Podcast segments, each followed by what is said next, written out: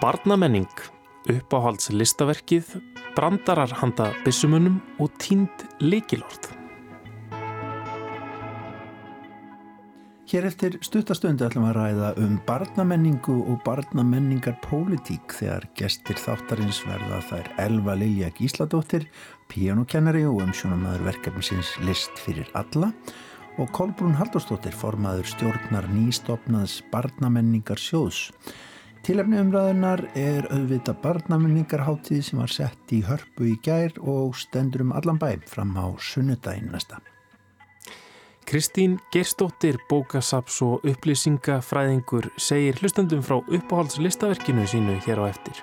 Og Gauti Kristmánsson fjallar í bókmenta gaggríni vikunar um nýja bók Masens Marúfs, brandarar handa bissumunum. Síðan förum við í heimsókn í Ásmundarsal og tökum þar tali myndlistamannin Fritz Hendrik um síningu hans sem hann kallar Tínd leikilorð og jú, getur maður ekki tengt við það. Hver þólir Tínd leikilorðs? Einmitt. En við ætlum að byrja á blessuðum börnunum og menningunni.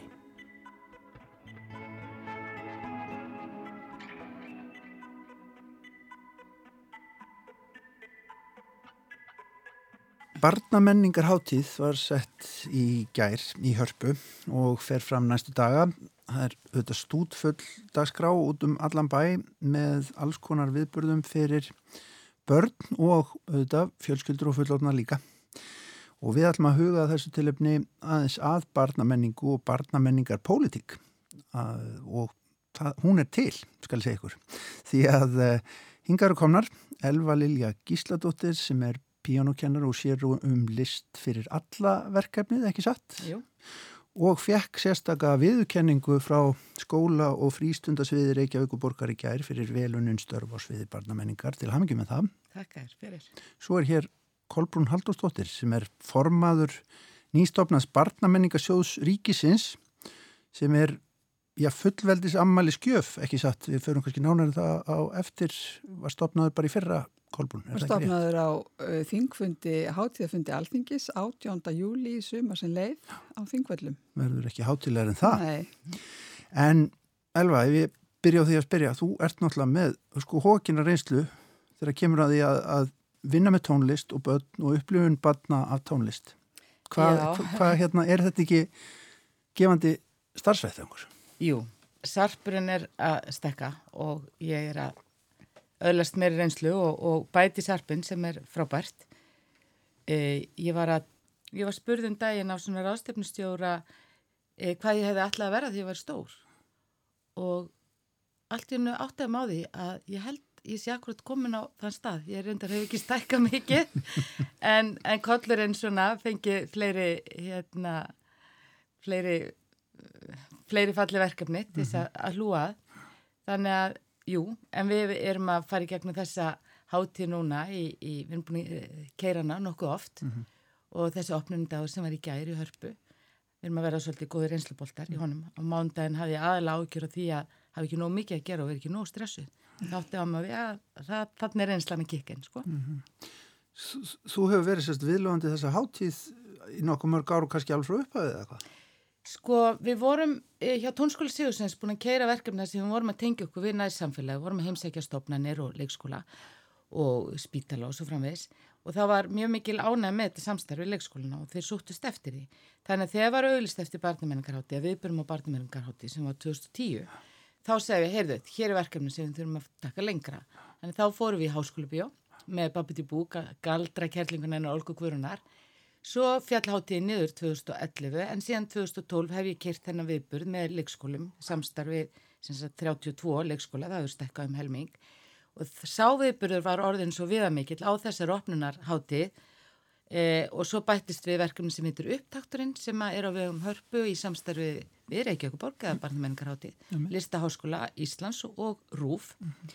Þannig að þá var ég eiginlega komin með alla stærsti viðbörna á þessum opnundegi þannig að það var alls gott að láta mig klára þau þannig að ég hef verið svona pínu tengiliður, teng, já á milli sem sagt Reykjavík borgar og, og viðbörða teimisins þar og hörpu Og þarna varstu með, er það ekki hvað, ein, á 1500 barna á sviðinu í hörpu í gerð? Nei, meira, elskar. Það var alveg meira. Já, já, já. E, fyrst vorum við með sagt, alla fjóruðbekkinga í húsi já. á glæsulegum opnunum viðbyrði og í fyrsta skipti núna vorum við að flytja e, ellendan frábæran listamann.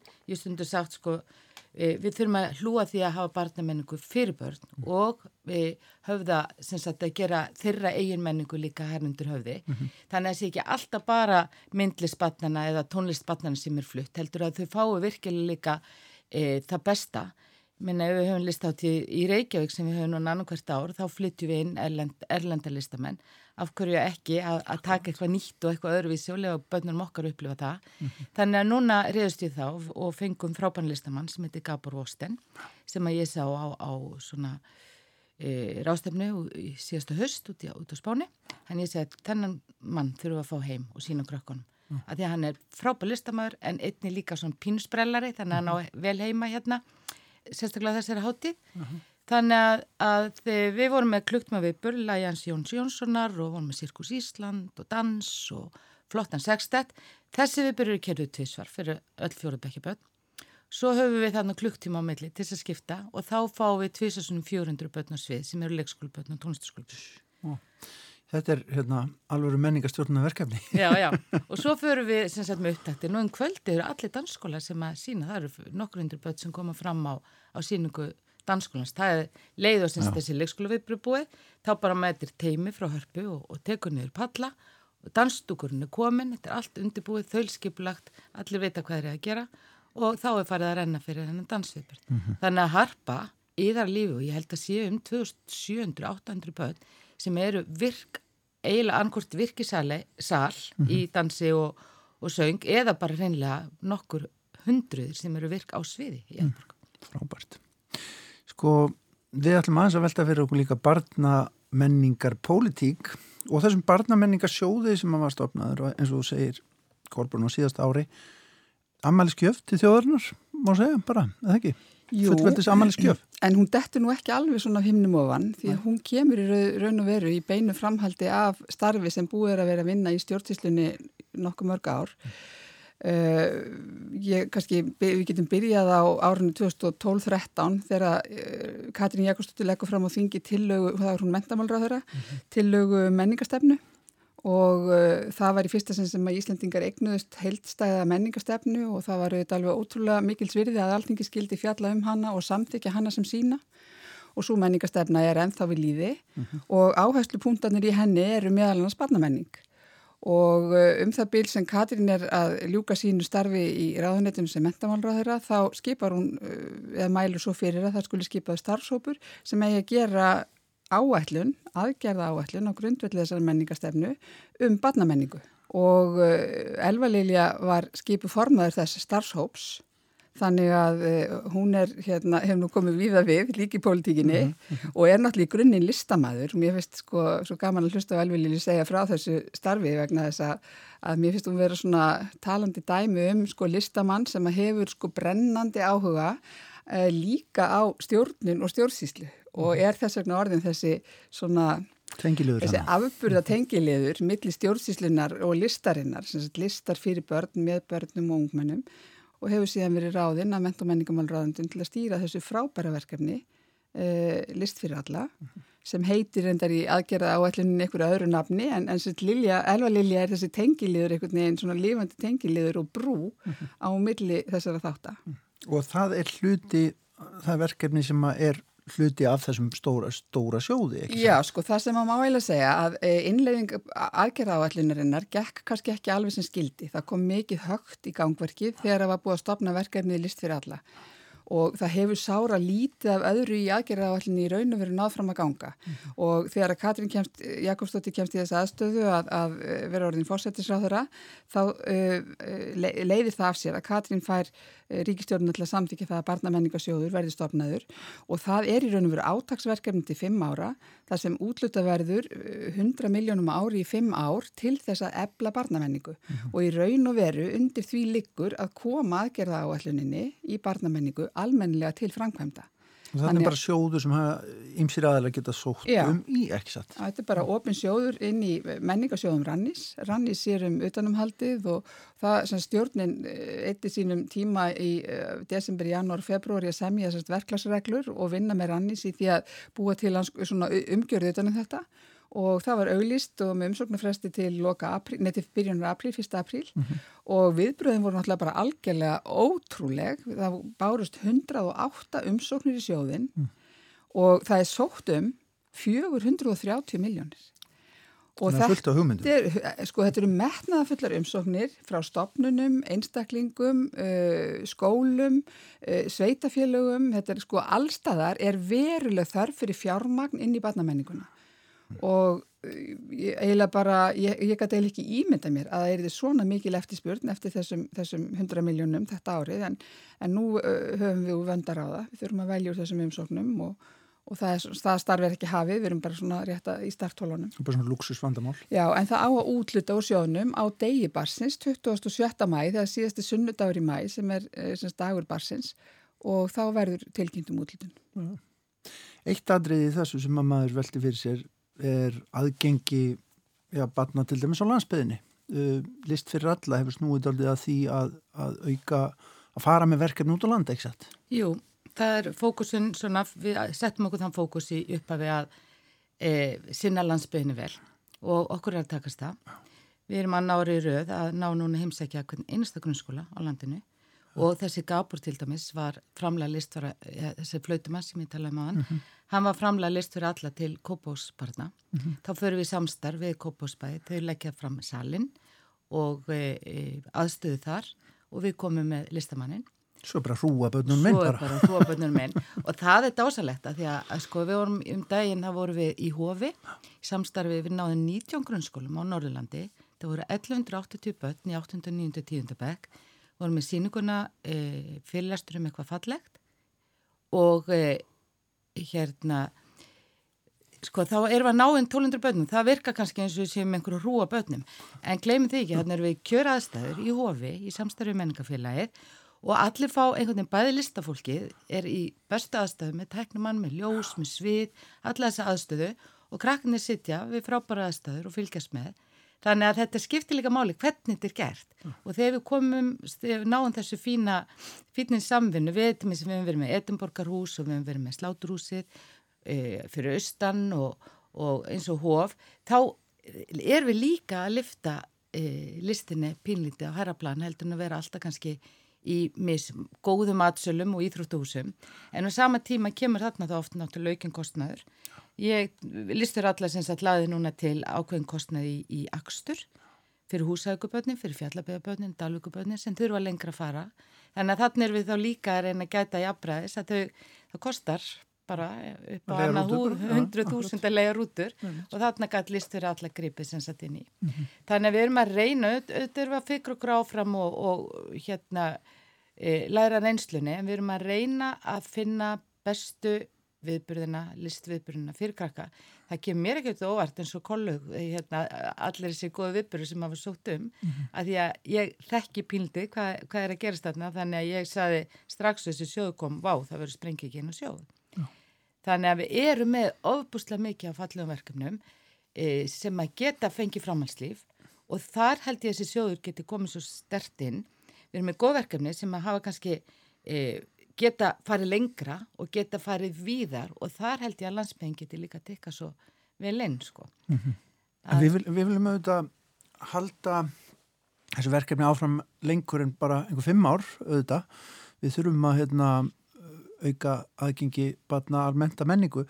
Þegar kemur að því að selja, hvað maður segja, bara alþingismönnum þess að hugmynd til framtíðar hvernig ræðum við það? Hvernig, hvernig hérna, hvað er það sem að aðgengi að listum og menningu gerir til þess að vík út sjóndöldar hring barna. Hver er söluröðan, Kolbrún?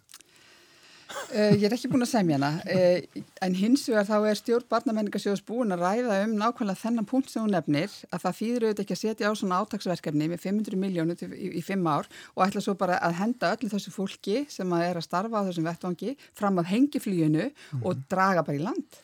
Þessar 500 miljónir verða að vera áfram, eða þessar 100 miljónur ári, Já. þær verða að vera áfram inn í þessu kerfi og þær verða að vera eirnamertar þessum, þessum mikilvæga þætti menningar okkar. Mm -hmm. Það er mín, mitt sjónamið og ég held að það verði það fyrsta sem við reynum að sannfæra stjórnmálamennina um mm -hmm. að þetta verði að verða áframhald á þessu verkefni með ykkurum hætti. En við erum að reyna að auka, hvað er maður að segja, við, viðsýni badna og upplifun þeirra af því að vera hvað, síðaði borgarar ekki satt? Eða, sko, eða... það náttúrulega er bara svo brjálegislega mikilvægt svo margt sem hangir á spilinu já, svo margt, mm. sko, ég minna bara það að sko, að auka mennsku fólks í, í, í bara samfélagi manna, skilru mm -hmm bara það, það byrjar strax þegar þú ert bara á máltöku skeiði þegar þú bara stígu þín fyrstu skref og eins og þú heyrir á Elvililju að það er verið að taka hundruði barna úr leikskólunum inn í þetta starf, inn í þessi hús sem við höfum byggt fyrir ofnbært fjö, inn í umhverfi þar sem að fullónismenningin er venjulega heima, mm -hmm. skiluru, bara þetta skiptir alveg gríðalegu máli fyrir börn. Ég man eins og það hefði gæst í gær þegar ég steg fyrst fæti inn í þjóðleikus Íslandinga það er bara minning sem ég hérna veit að er núna, er börnin sem eru komin í hörpu, þau eru eignast þessa minningu. Mm -hmm. Þessi minning skiptir máli vegna þess að það eru til hús, þar sem við getum farið saman og upplifað uh, eitthvað sem er daldi fyrir utan þennan heim, skilur. Mm, Menning og listir er að kenna okkur þar sem stendur fyrir utan þennan daglega hverstagslega heim okkar. Mm. Og ef við fáum aldrei að skiknast út fyrir hinn daglega hverstagslega heim, hvar værum við þá? Það værum við bara þröngsín, okkur myndi leiðast við erum þunglind, þannig það er listin vinnur gegn öllu þessu. -hmm. Það er náttúrulega bara skemmtilegast að spurja börnin sjálf. Við vorum með svona litla myndbúta við krakkar sem hafa verið að senda tónlist í upptaktin mm. og þau bara segja, þau lýsa þessu nokkulega sjálf, hvað, hvað, af hverju listir og hversu mikilvægt þetta er í þeirra lífi. Mm. Þannig að stundum er verið að spurja okkur en, en oft er kannski bara nærtakar að spurja krakkarna, þau eru með svari. Fáum svörin. Takk kærlega fyrir spjallið. Tónlist fyrir mér er mjög mikilvæg og bara mjög stór hluti af lífið mínu. Mér finnst bara mjög gaman að spila tónlist og hún bara legði mig líða vel. Tónlist fyrir mér er svona eitthvað dót sem skemmtir manni og lætir mann ekki leiðast með maður kannski að þú veist læra heimanám eða ég veit ekki lita eða eitthvað. Fyrir mér er tónlist leið til þess að slaka á eða þegar mér líður illa þá get ég hlusta á tónlist eða þegar mér líður vel. Tónlist eru mjög margir hluti fyrir mér. Ég get spila tónlist til að njóta mín. Þegar mér líður illa get ég spila bara tónlist og allt verður betra. Það hjálpa mér að ná mig líka. Tónlist er eiginlega bara allt í lífinu mínu og ég held að ef að tónlist var ekki til þá væri ég ekki til og reyndar er það öruglega þannig í alvörunni út af því að mamma mín og pappi kynntist í óperukór þannig að ef að tónlist var ekki til þá er ég ekki til. Nokkur svör um mikilvægi tónlistar. Þetta voru þáttakandur úr upptakti sem að er eitt af verkefnum sem er í gangi í kringum barnamenningar hátíð sem að nú er í gangi. Við rættum þarna áðan við Elfu Lilju Gísladóttur, píjanokennara og umsjónamann verkefnisins List fyrir alla. og Kolbrún Haldurstóttur formann stjórnar nýstofnads barnamenningar sjóðs. En við ætlum þá að snú okkur að bókmentunum. Gauti Kristmansson er hér komin með bókmentapistil vikunar. Hann fjallar í dag um nýja bók íslensk-palestínska reytuhundarins Masens Marúf, bók sem heitir Brandarar handa bissumunum. Brandarar, háð, kaltæðni, skopstælingar, hafa löngum verið tæki hinn að kúuðu til að steita hnefan að valdinu, sínaði fingurinn, þó ekki verið nema eitt augnablík, og um leið tilraun til að gera eigin tilveru örlítið bærilegri, anspænis von og valda leysi. Hvort að hrífur hannu saga, sumi segðu jafnvel að grínið virki frekar sem vendill fyrir gremju, sem fær þá ekki útrás í raunverulegri byltingu gegn valdhöfum. Þeir líti á karnivalið með duldri velþóknun þóttir séu oftast skótspót spöksins sem fram er borið. Um það skal ekki segja, en brandararnir sem palestínsk-íslenski höfundurinn Masen Marúf segir í nýri bóksinni eru fremur absúrt og ískikilegir. Alls ekki ætlað að vera fyndnir. Enda held ég að fáum lesendum stökku í bróspenglínis. Þrátt fyrir að sögurnar búi flestari við þeim einleika húmors að saman einhver fyrirbriði sem alls ekki ega saman og mynda þannig óvænta útkomu sem okkur finnst oft fyndin. Bakgrunnu sagnana er nefnilega stríðs ástand, borgarastríð að þér virðist og markað af skærum innan einhverja borgar, beirút líklegast, Hún er nefnd einu sinni. En sjónarhollin er oft bassins sem er að vaks úr grasi í borginni og þekkir ekkert annað. Þetta saklusa sjónarholl bassins sem karakterarnir halda þóttir fullornist eins og þröski þeirra stöðvist er ábras vel valið. Það gerir grimma ásýnd þessarar veraldar markvallt áhrifameri. Barnið er ekkit að velta fyrir sér orsökum hlutana. Það tekur heiminum eins og hann er. Gerir sér enga grein fyrir því að til sé einhverjar aðrir kostir. Að einhverja önnur tilvera sé til eða jafnvel æskilegri. Barnið tekst á við tilveruna eins og hún er og nákvæmlega á þeim forsendum sem það heldur að séu aðalgildar. Þetta sést kannski best í titilsögunni. Þeirri fyrstu af 14 sögum þar sem barnið reynir allt hvaða getur til að ebla eigin virðingu, föður síns og fjölskyldu með því að grípa til ráða sem eru bernsk í raukfestu sinni. Drengurinn trúur alltaf hans í að gera rétt og dæmir engan, ekki föður sinn, ekki kvalara sína eða móður. Hann segir bara frá og lýsir eigin hugmyndum og viðbröðum eins fáránleg og þau eru okkur fullornum lesendum. Það gæti verið fyndið en er það ekki, til þessi veruleikin sem líst er allt of grimmur. Hann kemur nefnilega skýrt fram í flestum sagnana. Sérstaklega þeirri fyrstu og þeirri sem tilluður bíó og er hún þó fjarrið því að vera raunsæðislega á nokkun hátt. En er það samt? Þessi surrealismi kemur fram í því að aðstæður maður á batna og flotta undan sprengjuregni í kvikmyndahúsi taka á sig fyrðumend í huga einn strengsins og hann fer alltaf kú sem kemur í heimsokna hverjum degi. Kýrin er í eigu eins af hermönunum sem árásuna gerðu og hafði haft hana með sér í skriðdreganum sínum. Sagan tekur svo á sig kafkæska og annarlega mynd sem stýrtir afbras vel með hlutlausum frásagnartóni bassins sem er að reyna að takast á við veruleika sem er handan alls þess sem það eða við öll getum ráði við.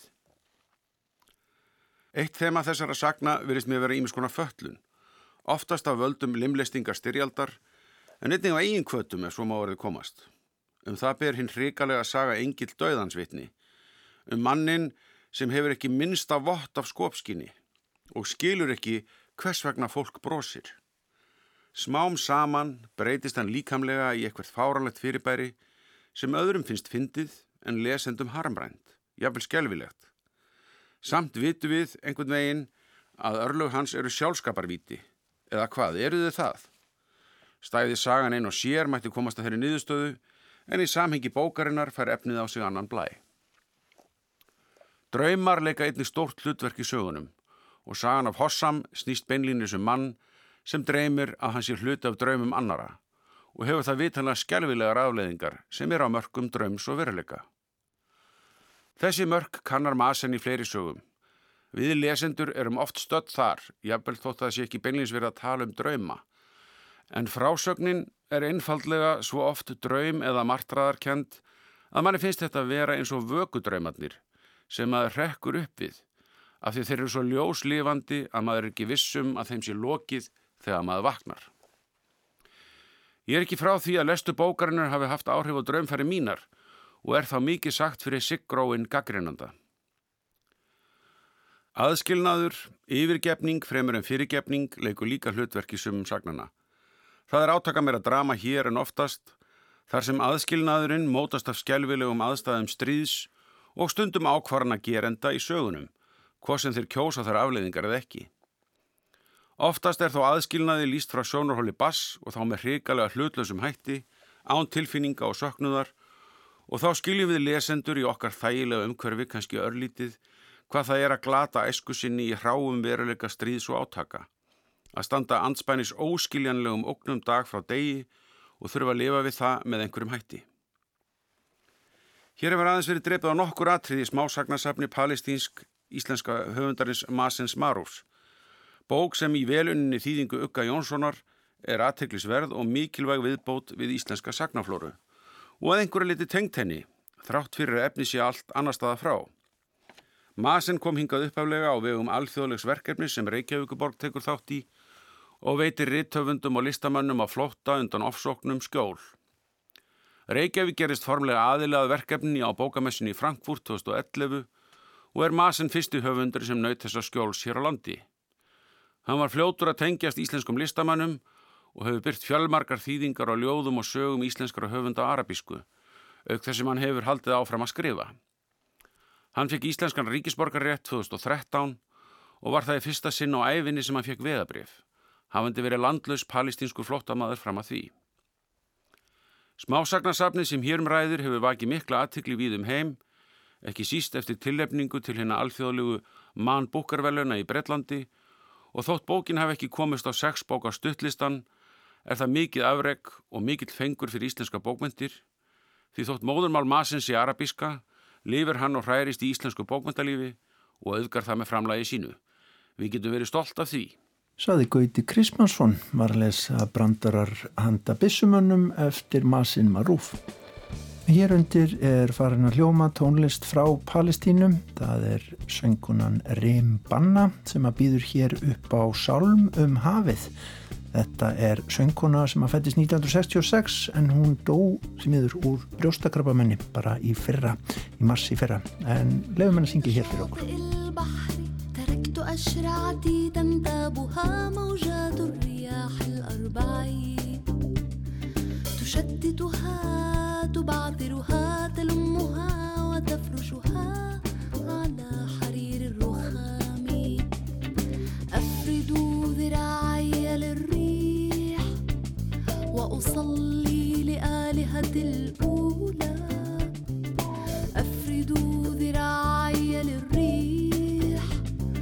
أصلي لآلهتي الأولى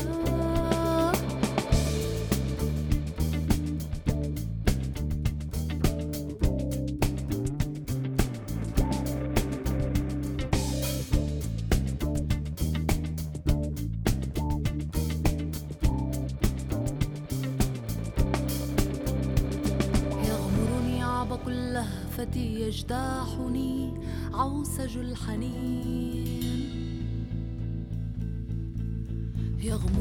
يغمرني عبق اللهفة يجتاحني عوسج الحنين.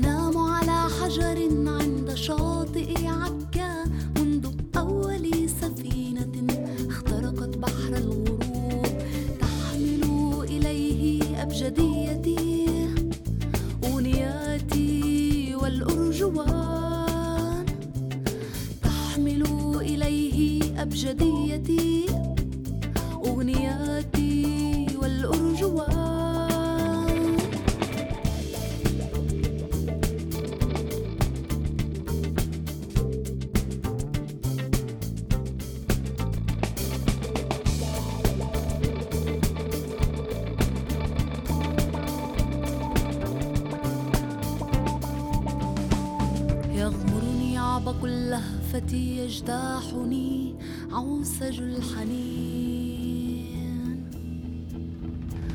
يغمرني عبق اللهفة يجتاحني عوسج الحنين. يغمرني عبق اللهفة يجتاحني عوسج الحنين. يغمرني عبق اللهفة يجتاحني عوسج الحنين. عند شاطئ البحر تركت أشرعتي تنتابها موجات الرياح الأربعين. تشتتها تبعثرها تلمها وتفرشها على حرير الرخام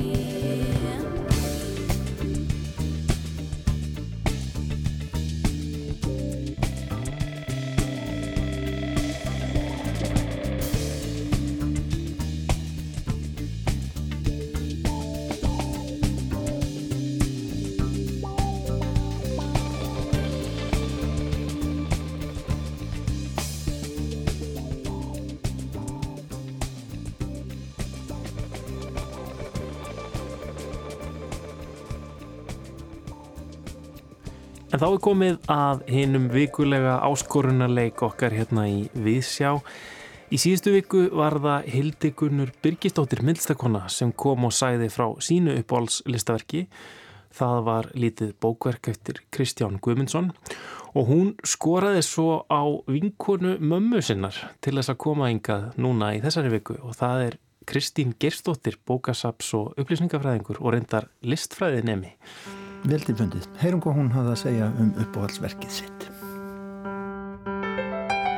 Þegar ég fekk þessa spurningu fyrst þá kom eiginlega bara margt upp og þá kannski sérstaklega líka ákveðni listamenn sem ég hef verið að svona dástæði gegnum tíðina en það sem að svona stendur upp úr sem listaverk og upplifin það er uh, orðaldi langt síðan að það var. Það var árið 2003 sem ég sá verkið hennar Rúriar á Fenjar bíenalnum og þetta verk vöttn í útrýmingar hættu var sínt þar.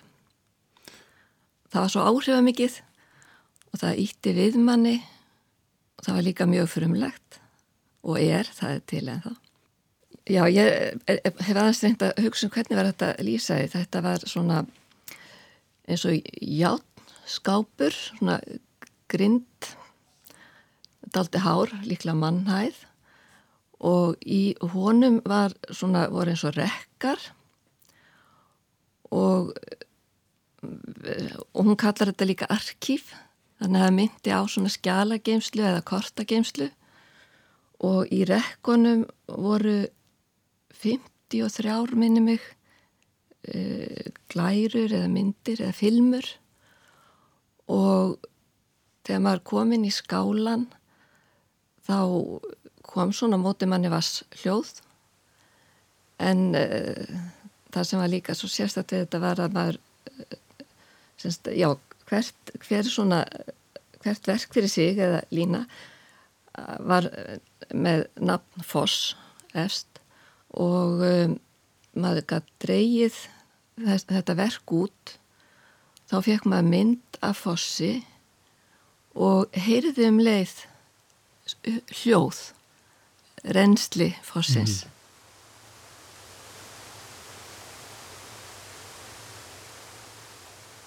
og svona gæt maður skoða hvern fossin á fætur öðrum og þegar maður fór að skoða sig betur um þarna þá voru þetta sem sagt myndir og upptökur frá fossum á Íslandi sem er í hættu semst voru í hættu þá 2003 og svo fann ég viðtalið hana uh, setna þar sem hún talar um að, að það sé að, að með minnir hátt í 50% af þessum fossum breyttir eða farnir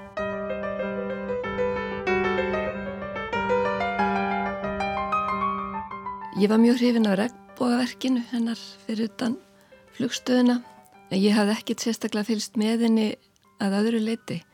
Uh, síðan hef ég uh, fylst með henni og ég er svona dáist að því hvernig hún vinnur en, en mm. uh, svona þetta er einhvern veginn bara eitthvað sem býr í manni og eftir að hafa sko verið að hugsa um þessa síningu og hugsa um hvaða langu tími liðin þá fannst mér líka vera eh, að ég tengd hana við síninguna sem vera í listasafni Reykjavíkur í síðasta sumar Einskísmanns landið sem er svona hálend Íslands og það var bara rosalega flott gerð síning alla staði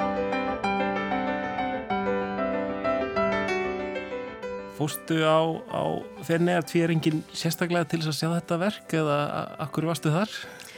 E, ég var bara svo heppin að ég á goða vini sem að hérna fara oft og sem sagt e, listfræð, listfræðingur og listakona og e, við hjónin eiginlega bara svona fylgdu með og e, römbuðum þarna inn og þetta var semst í fyrsta sinn sem við fórum. Svo fórum við aftur setna það voru þegar að hérna Líbja Kastró og Ólafur voru með verk sem var mjög gaman líka.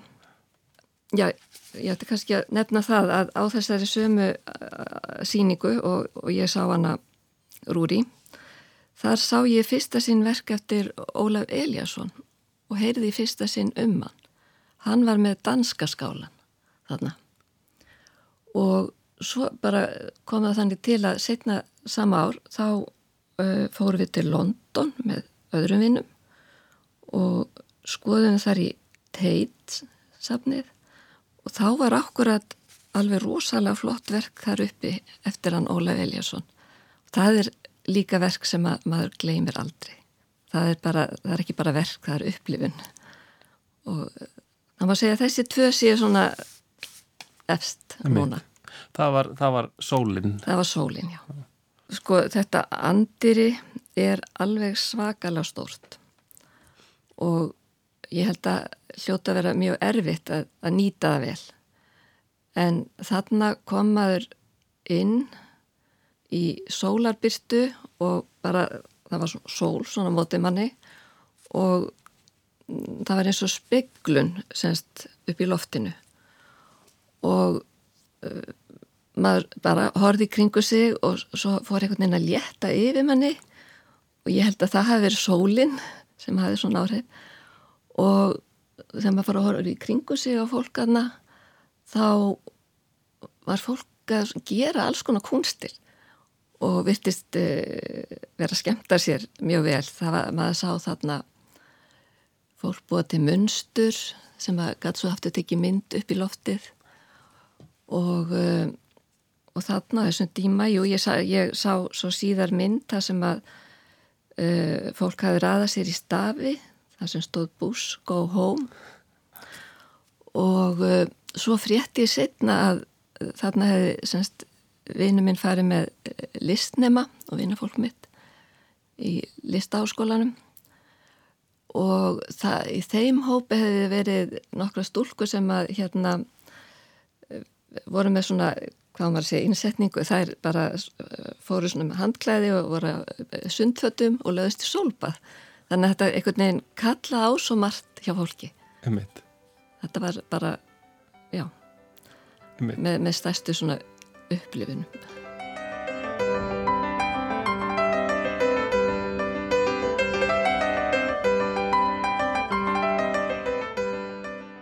En varstu búin að hugsa einhvern til þess að skora á? Já, og ég var nú aðeins hérna hugulegri heldur en hildugunnur því ég fekk áfall, ég var að hlusta á hann í útvarpinu Mér langaði að skora á hann að Kristni Girst og, og bara, hæ? Ég satt svona inn í bíl og var að hlusta á hann sko sérstaklega að því að hún er svo skemmtileg en hún ætlar að koma hún Aðalbjörg Þórðardóttir Abba sem er listakorna málar og er líka grafískur hönnur og hún hefur öruglega frá einhverju góð að segja. Það var Kristín Geistóttir bókasaps og upplýsingafræðingur sem að saði hlustendum frá uppáhalds listavekkinu sínum og fyrir valinu var verk eftir hana Rúri, Endangered Waters. En við ætlum að huga áfram að myndlist en hefjum ferð okkar hins vegar á daldið sérstökum stað í tölvuveri ríkisútasins. 1, 2, 3, 4, 5, 6 Password. 1, 1, 1, 1, 1, 1, 1 Q, 2 F, E, R, T, Y. I love you. Þetta eru nokkur dæmi um þau leikilorð sem eru á lista yfir þau mest notuðu í netheimum árið 2018 sangant fyrirtækinu Splash Data. Þetta eru sem sagt ekkert sérstaklega örug leikilorð. Ef þú ert með slíkt leikilorð á einhverjum aðgangi í tölvunniðinni skaldu breyta því umsvifa löst. En hvernig ámaður að velja leikilorði í tölvuna? Edvard Linur Sveinbjörnsson, kerfistjóru hjá Ríkisútarpinu. Hvað eigum við að varast? Um, ekki náttúrulega nafni sitt til dæmis eða eitthvað sem er uh, mjög augljóst. Símónum er eitthvað sem tengist í. Um, besta sem þú gert er að hafa líkilóður svolítið langt flóki líkilóður er ekkert endilega betra eða stutt þau eru stöðun með staf, lítið staf, stóran staf ták, tölur það er betra að vera bara langt orð eða sem sagt langt líkilóð um, það er líka þegar þú fyrir fyrir 14 stafi þá ég annað encryption sem gerir þetta erfiðar og allt það. Uh, ég myndi mæla með að fólk noti setningar. Það, ég gerir það sjálfur. Ég býti lung líkilor með að nota setningar. Eitthvað sem ég man, eitthvað sem tengist ykkur sem ég hef gert eða eitthvað. En fólk kveikir ekkert á, fólk getur ekki tengt við mig sem þekkir mig lítilega. Um, já, ég myndi segja það. Gott password til langt password og til að muna það, búið til setningar. Sæði Eddi Tölvukall. En já, löng og flókin og að því er virðist alveg óendanlega mörg líkilorð hafa orðið að hluta af hverstagslíf okkar og undaförnum áratugum. Aðgangur á tölfunni, aðgangur á símanum, iPadinum, tölvupósturinn, heimabankin, innrifefur, vinnustæðarins, Facebook, Instagram, Twitter, Apple ID og svo framvegis og svo framvegis. Og svo þarf þetta að skipta á nokkura mánada fresti. Guðminn góður, já það er ekki skrítið að þau gleimist stundum líkilorðin týnist í stafrænu óminni internetsins. Þessi tíndu leikilorð eru viðfóngsefni nýrar síningar myndlistamannsins Fritz Hendriks fjórða tínd leikilorð sem nú stendur upp í ásmundarsal á skólaverðarhaldi. Já, þetta, þetta var svolítið til að því að ég hérna, var alltaf að gleyma leikilorðunum mínum og, og, hérna, og þetta, þetta er orðin stór hluti á lífimanns að hérna, halda þetta um leikilorð og skrá sig inn á síðurinn á netinu og það er alltaf þessi valmöguleikum um að, um að hérna, fá sendt leikilorði í hérna, e-maili eða að, að komast að, að leikilorðinu aftur sko. Og þá er alltaf þessi þetta týnda leikilorð sko sem, sem að þú vilt finna. Og þá fór ég eitthvað svona velta fyrir mér að með að staða eitthvað svona skemmtileg hugmynd sko að það væri ábyggilega kannski til eitthvað svona í rauninni samansapn af 30 ára sögu internetins af bara týndum leikilorðum fólk sko.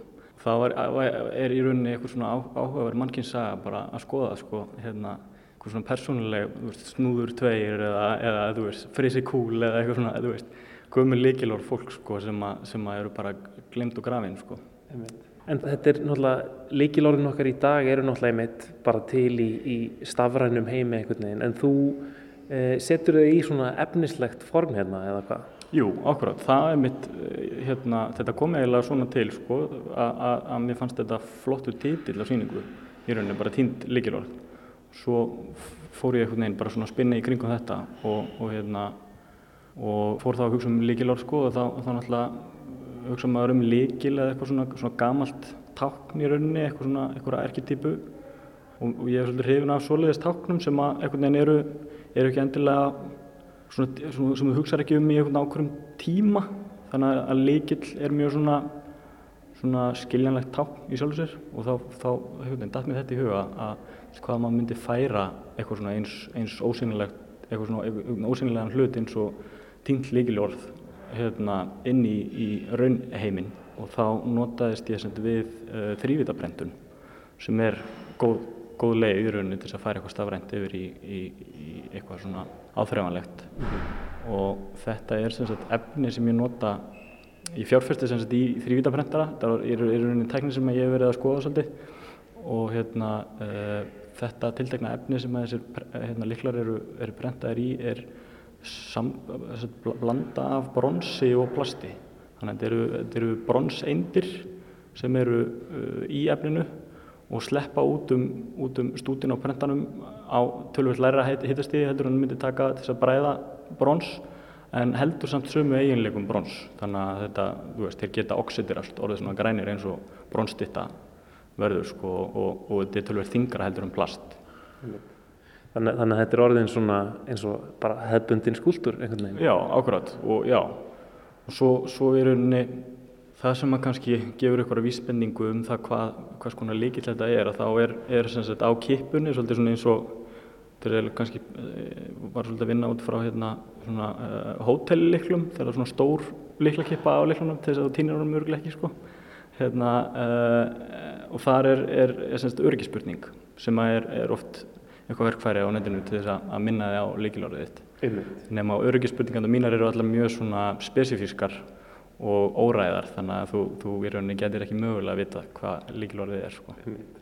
Mér finnst ég nú eiginlega að lenda oft í því einmitt þegar ég ætla að nota þessar öryggisspurningar að ég kannski man mögulega svarið en, en ég einhvern veginn samt sko hef orðað á einhvern hátt sem að, sem að mér tekst ekki að finna út Nei, hvert raunverulega svarið er. Já, nákvæmlega.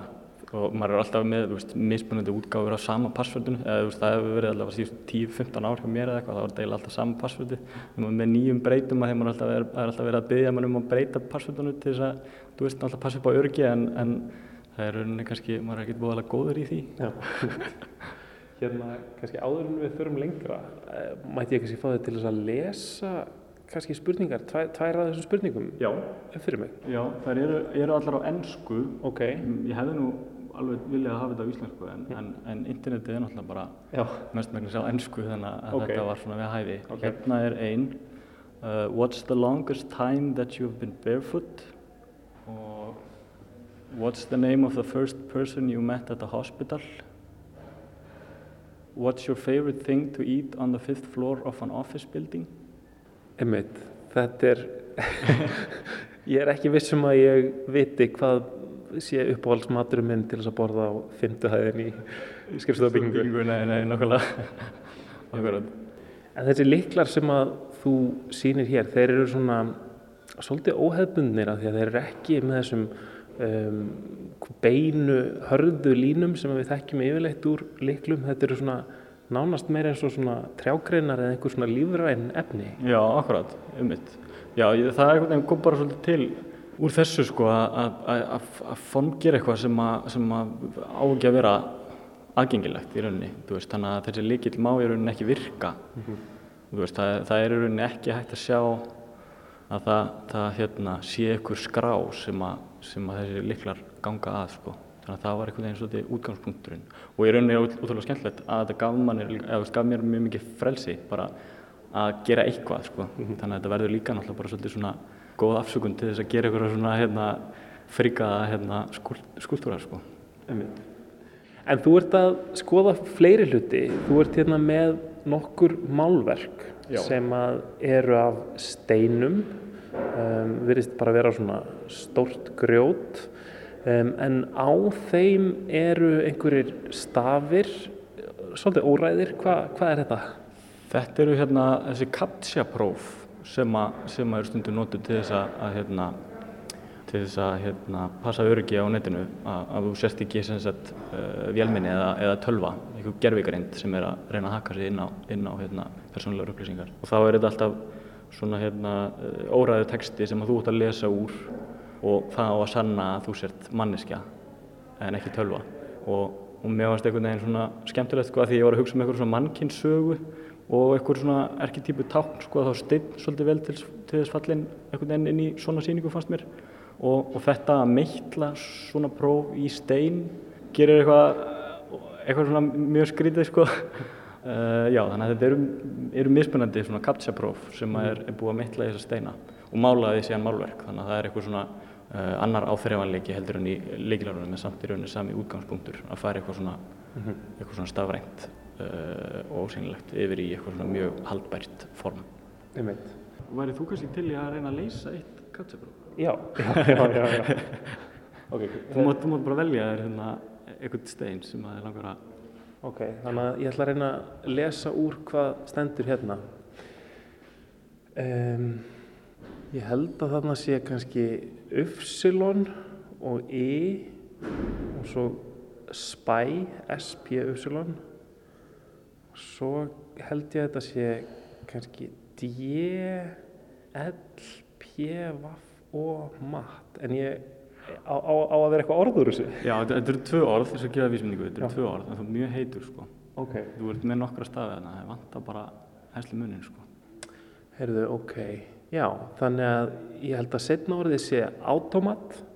Ah, næstu því, næstu því. Þú, voru, um, Þú varst með fyrsta stafn. Já, D.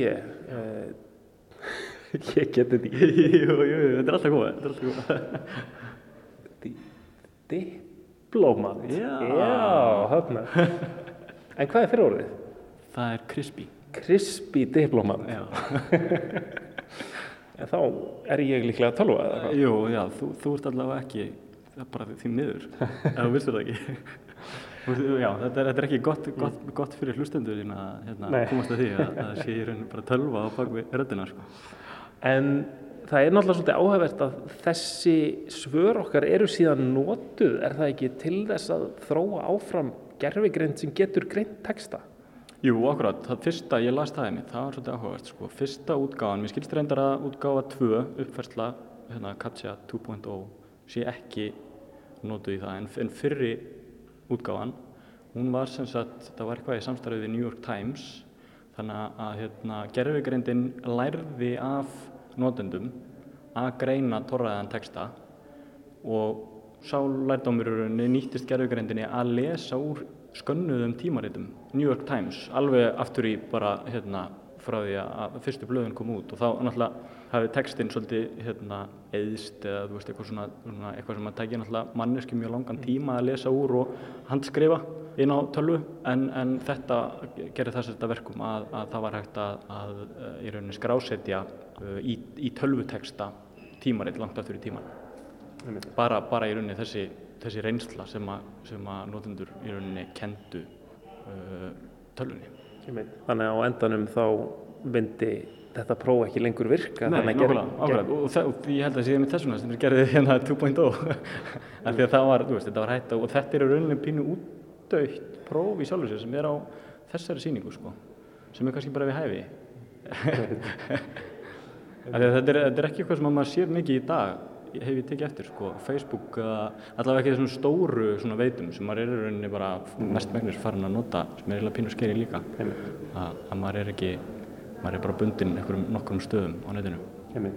Þannig að þetta eru kannski orðið, orðið eins og einhverjum svona fornminjar sem við getum reykist á einmitt hérna bara hognar í stein einhver staðar. Já, já, akkurat, nákvæmlega.